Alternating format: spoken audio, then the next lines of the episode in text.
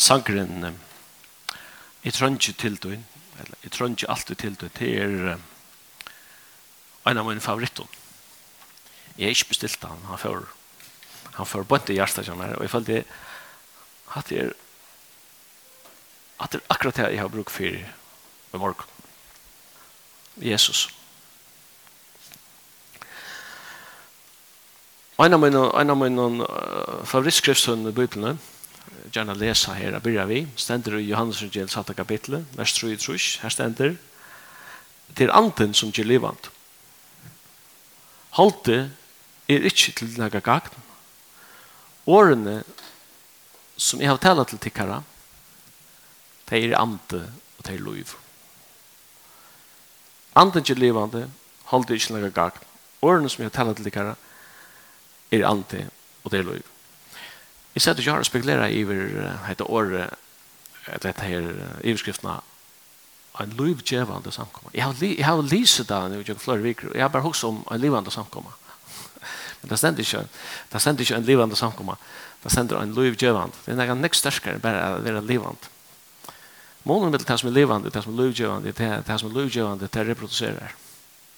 Det er akkurat som et liv som, som markfaltast det er en, et, et, et, det er et, et smittande liv, nega som formidlas vi er. Det sender om Jesus at det sender hinn 17 Adam er en livande, gerande and. 4 Korint, kapitel 15. Det merker ikke at soneren kom, han har ikke bare liv i seg selv, men han var livande, gerande.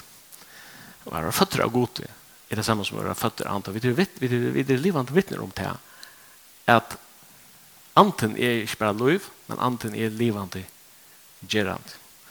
Og det som er født er av antanon, er ant. Så er det skriva. Jeg sa for noen år siden en sjånarsending, en svenska, tar personer som diskuterer om dette er liv og deia. Det var ikke en til det, til det fysiska liv. Når blir livet, og när det löv när det löv finns ju a byrna stön finns ju så tavir eller så för att vara då att ta öra få en rattarsikt att såna rattar värje. Och så om in ända någon när ända löv. När är när är löv fjärra så långt borster att man öra kanske att ge till en viruslig avslutning. Och folk är öl osamt om allt det här. Och jag tror att uh, uh, visunden, den medicinska visunden, eh, jag kom så länge fram där så skapar det öl etiska avbjøringar som man faktisk ikke heier og strues vi før.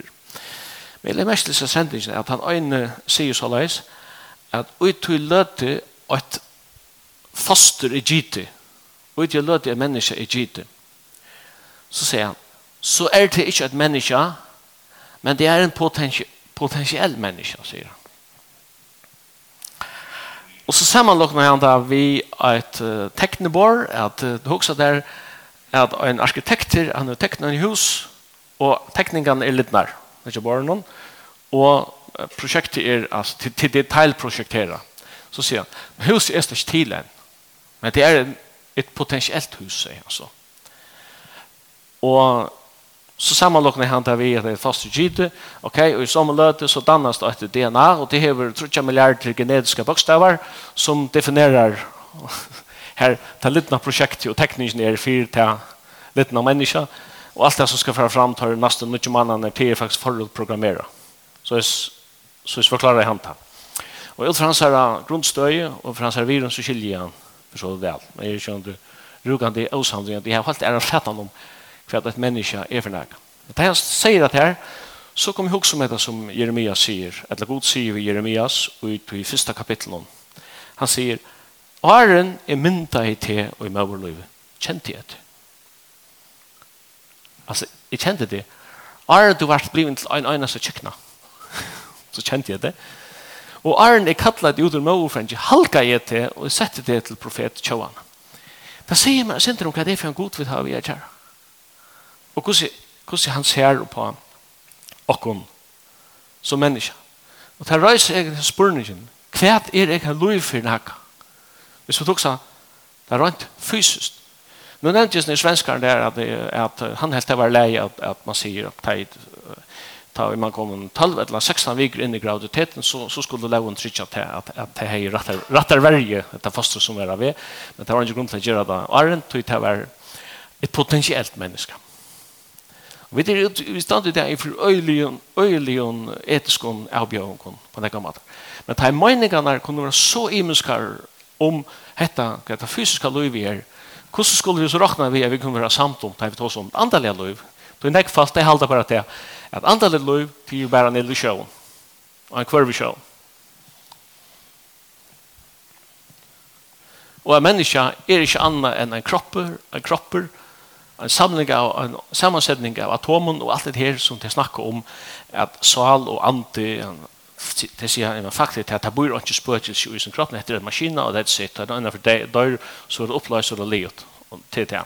Det vil si at særlig Vesterheimen det er, er tilværen redusera ned til det røyna materiella, ned til det røyna materie. Men hvordan år forteller dere til at han fysiske heimeren, han kjennelige heimeren, han får konkur, men det antallige heimeren, det er egentlig han som vil være verant. Og nu nevnte jeg i begynnelsen i Johannes kapitel 6 at anten, Jesus sier at det er anten som gjør livet holdt det er ikke lenge gang. Egentlig at taler han hans årene til en forsamling som, var, som har blivit rettelig forvirret om hva det andre liv er for nægge. Kapitel 6 i Johannes er en avhørt kapittel. Han er rettelig lenker. Ja, ofte han viser han djøkken.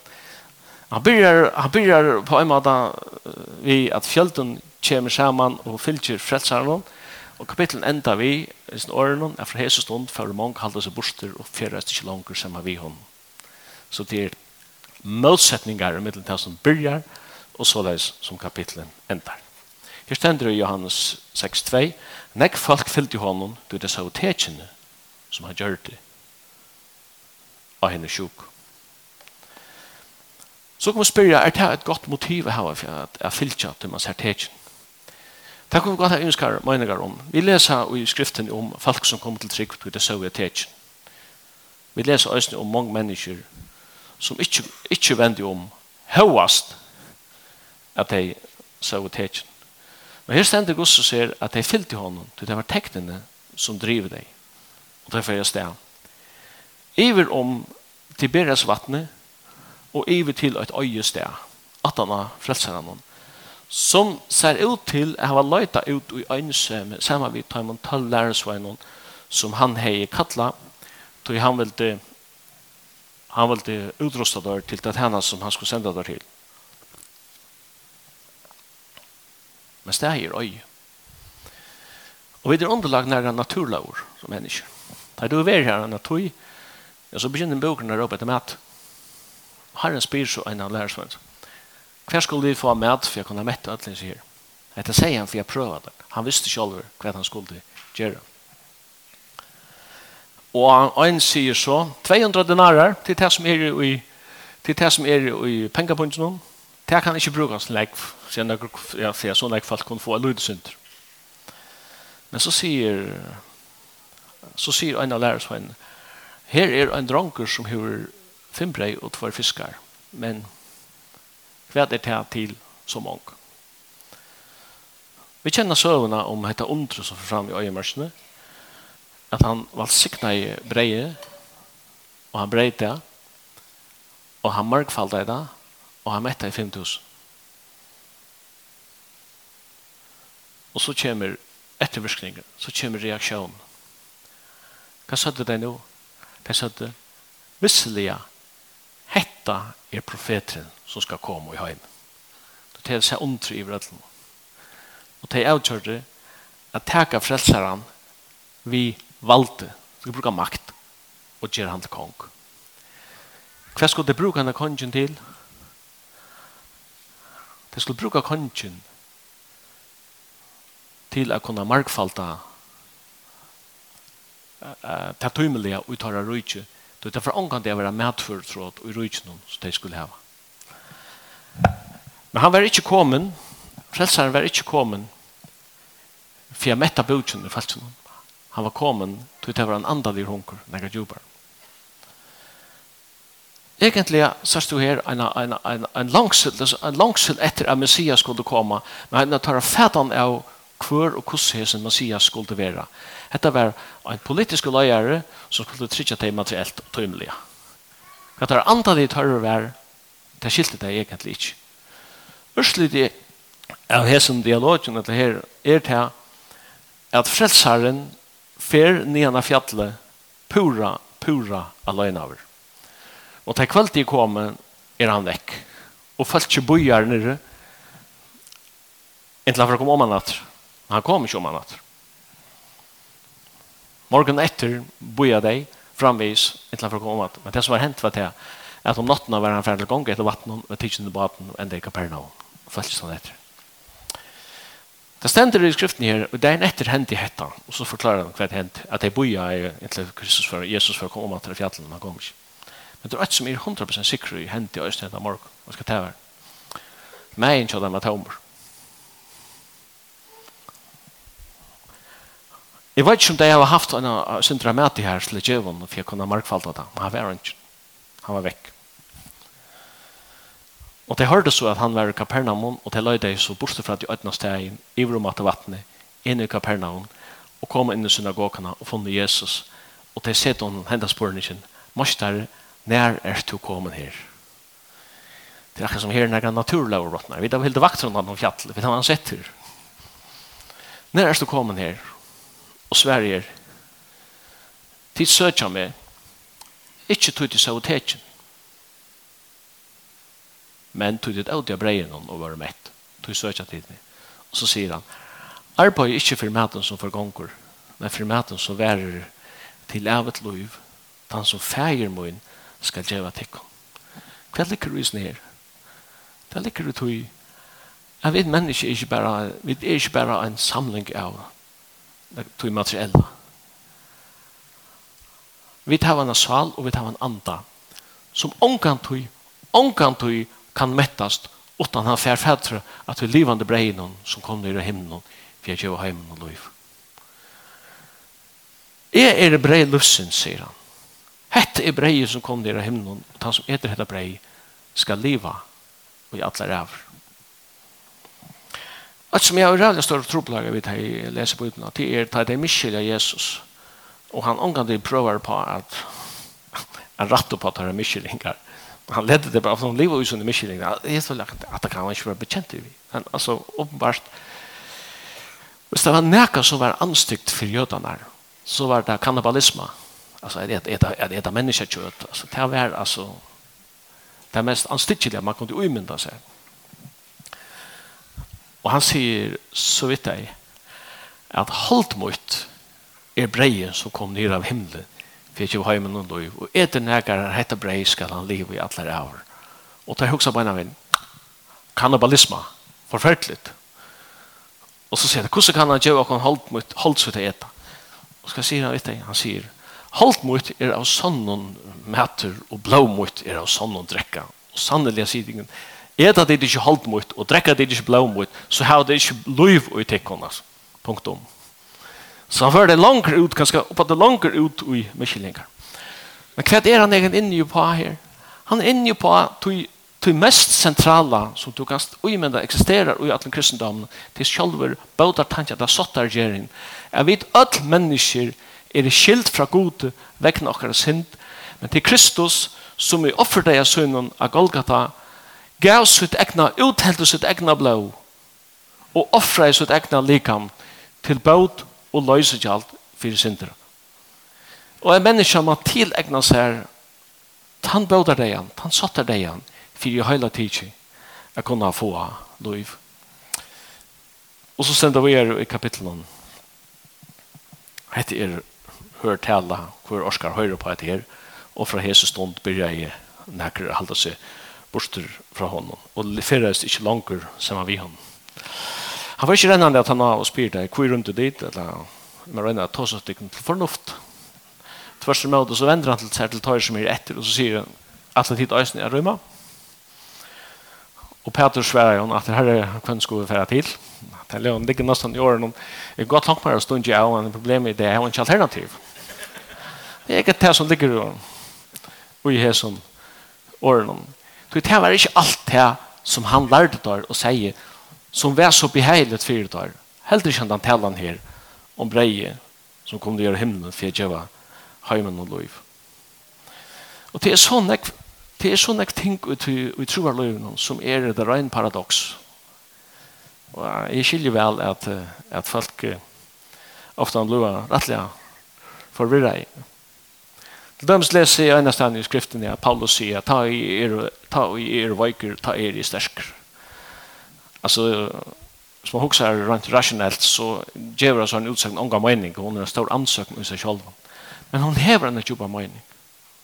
Ta i er veiker, ta i er stersker.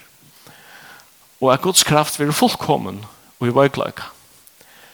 Så les er da at det er ting som er som er motsi, eller som er paradox, om man har paradox, men vet du vet du ljøs som heile andre giver en menneske, er det andre ansøk med dem, det er pura, pura lokust. Og et av de tingene er det her, at at jo mer at menneske ei mykje seg fire gode, jo mer at menneske er asan der hiver en, en, en en sundebratten av andre, et sunde såra hjerte som bodger seg for god, det må være sunt å det av åpenbering av før og herren er. Kraft hans er vi er fullkommen og vi er glad. Jeg elsker søvn om Abraham. Han sier at han tror er løyv.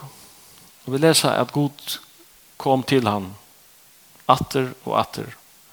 Og det er nesten som at, at han fær åpenberinger av hvor god er det. sånne, sånne små bitene, sånne her smavun personen som Herren gjør Abraham. Er Herren styrketøyen, eller er Herren kjøltertøyen? og han kommer vi ætlen hans nøvnen om Elohim og Lam, og Elohim Rafa, er det han som grøyer til, og så er Men det stender at Abraham var 95 år, og samtidig ble han 11, var han, det var sagt om han, han var utlivet, han var blitt gammal og den fysiska kraften i honom var vikna. Da kommer Herren og åpenbærer seg fyrir honom og han brukar et navn som han omgang tog i brukt fyrr. Og det er det sterkaste som du nærkant du finner i skriften Han sier, er Elohim Shaddai. Det er god i en allvald. Han har omgang tog i brukt Shaddai fyrr, selv om han har brukt nek åndernøvn.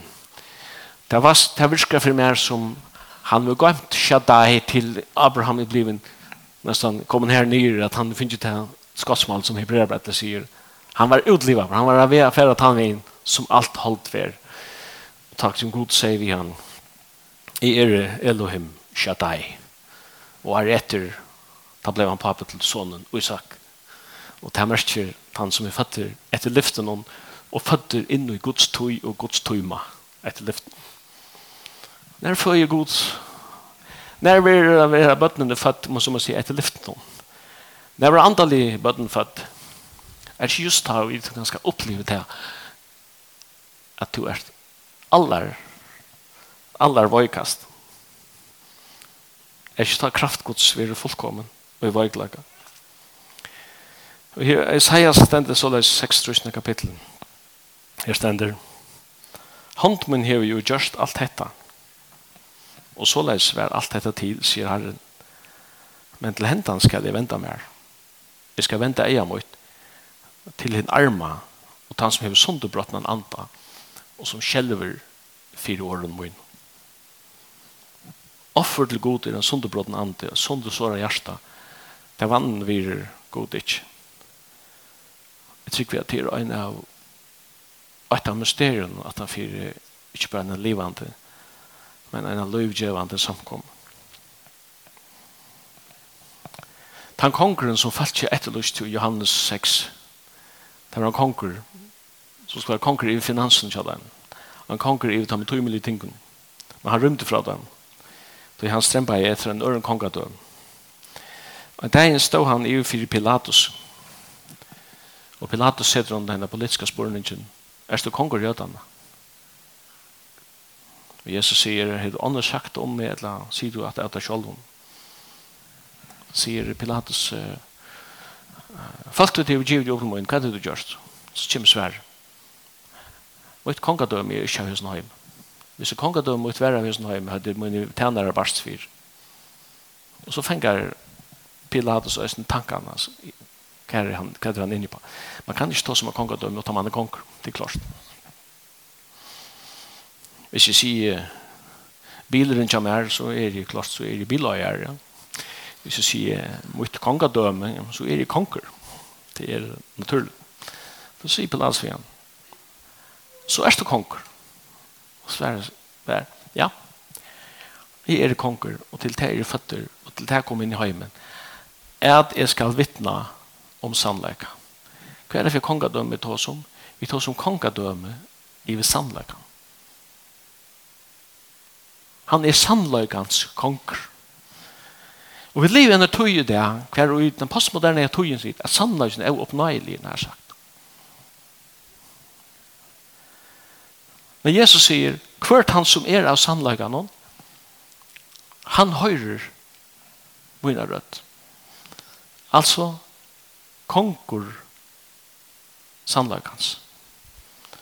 Og folk spyrir ofta i det, ja, men hvordan kan jeg vite at hatt er rett og skrøft? Hvordan kan jeg trykva til som stender her, og så er så er?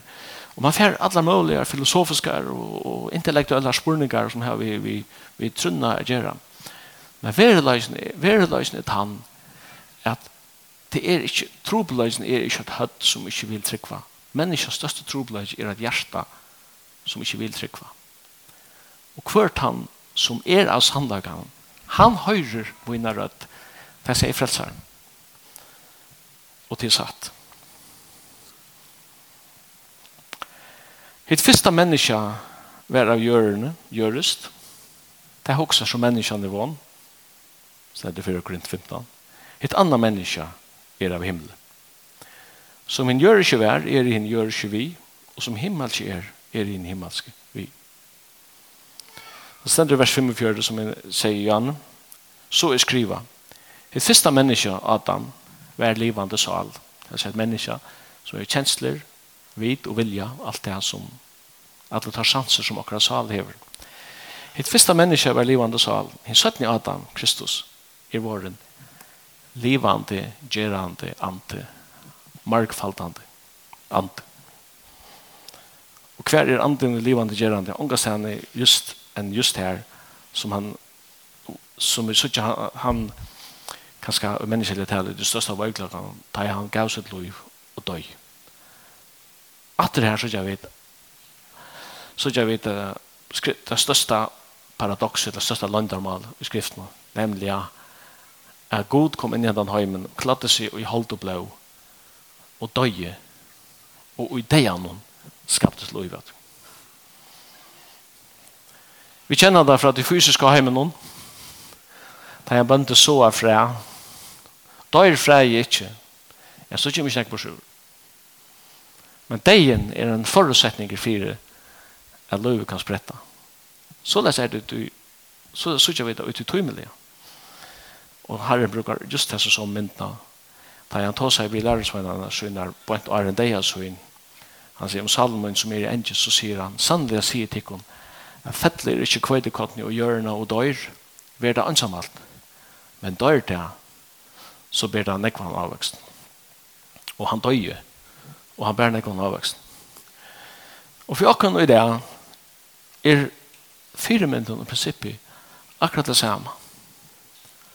Han sunde brotten i anden. Det er mennesker som legger løset nyer og døyr. Egentlig er det, er det saie som ber nekvann avvokst. Jeg halte at jeg har sagt det som jeg skal si, og jeg halte i ferdig at uh, det er disse årene bør være hengende, så kan de grunne i deg. Så skal jeg be en bønn. Dem som sier at, dem som sier at, at, at, at, at, at, at, at, at,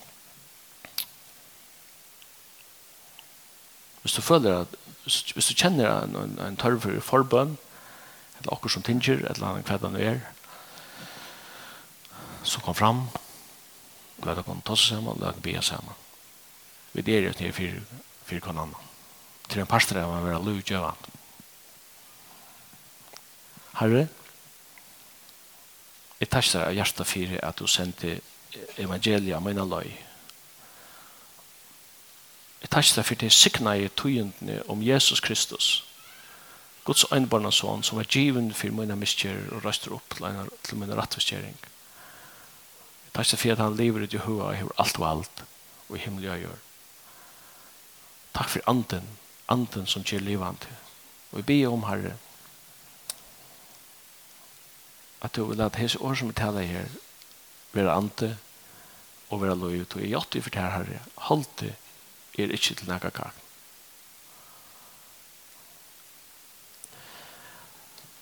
Herre, du kjenner alle gjørster her i morgen.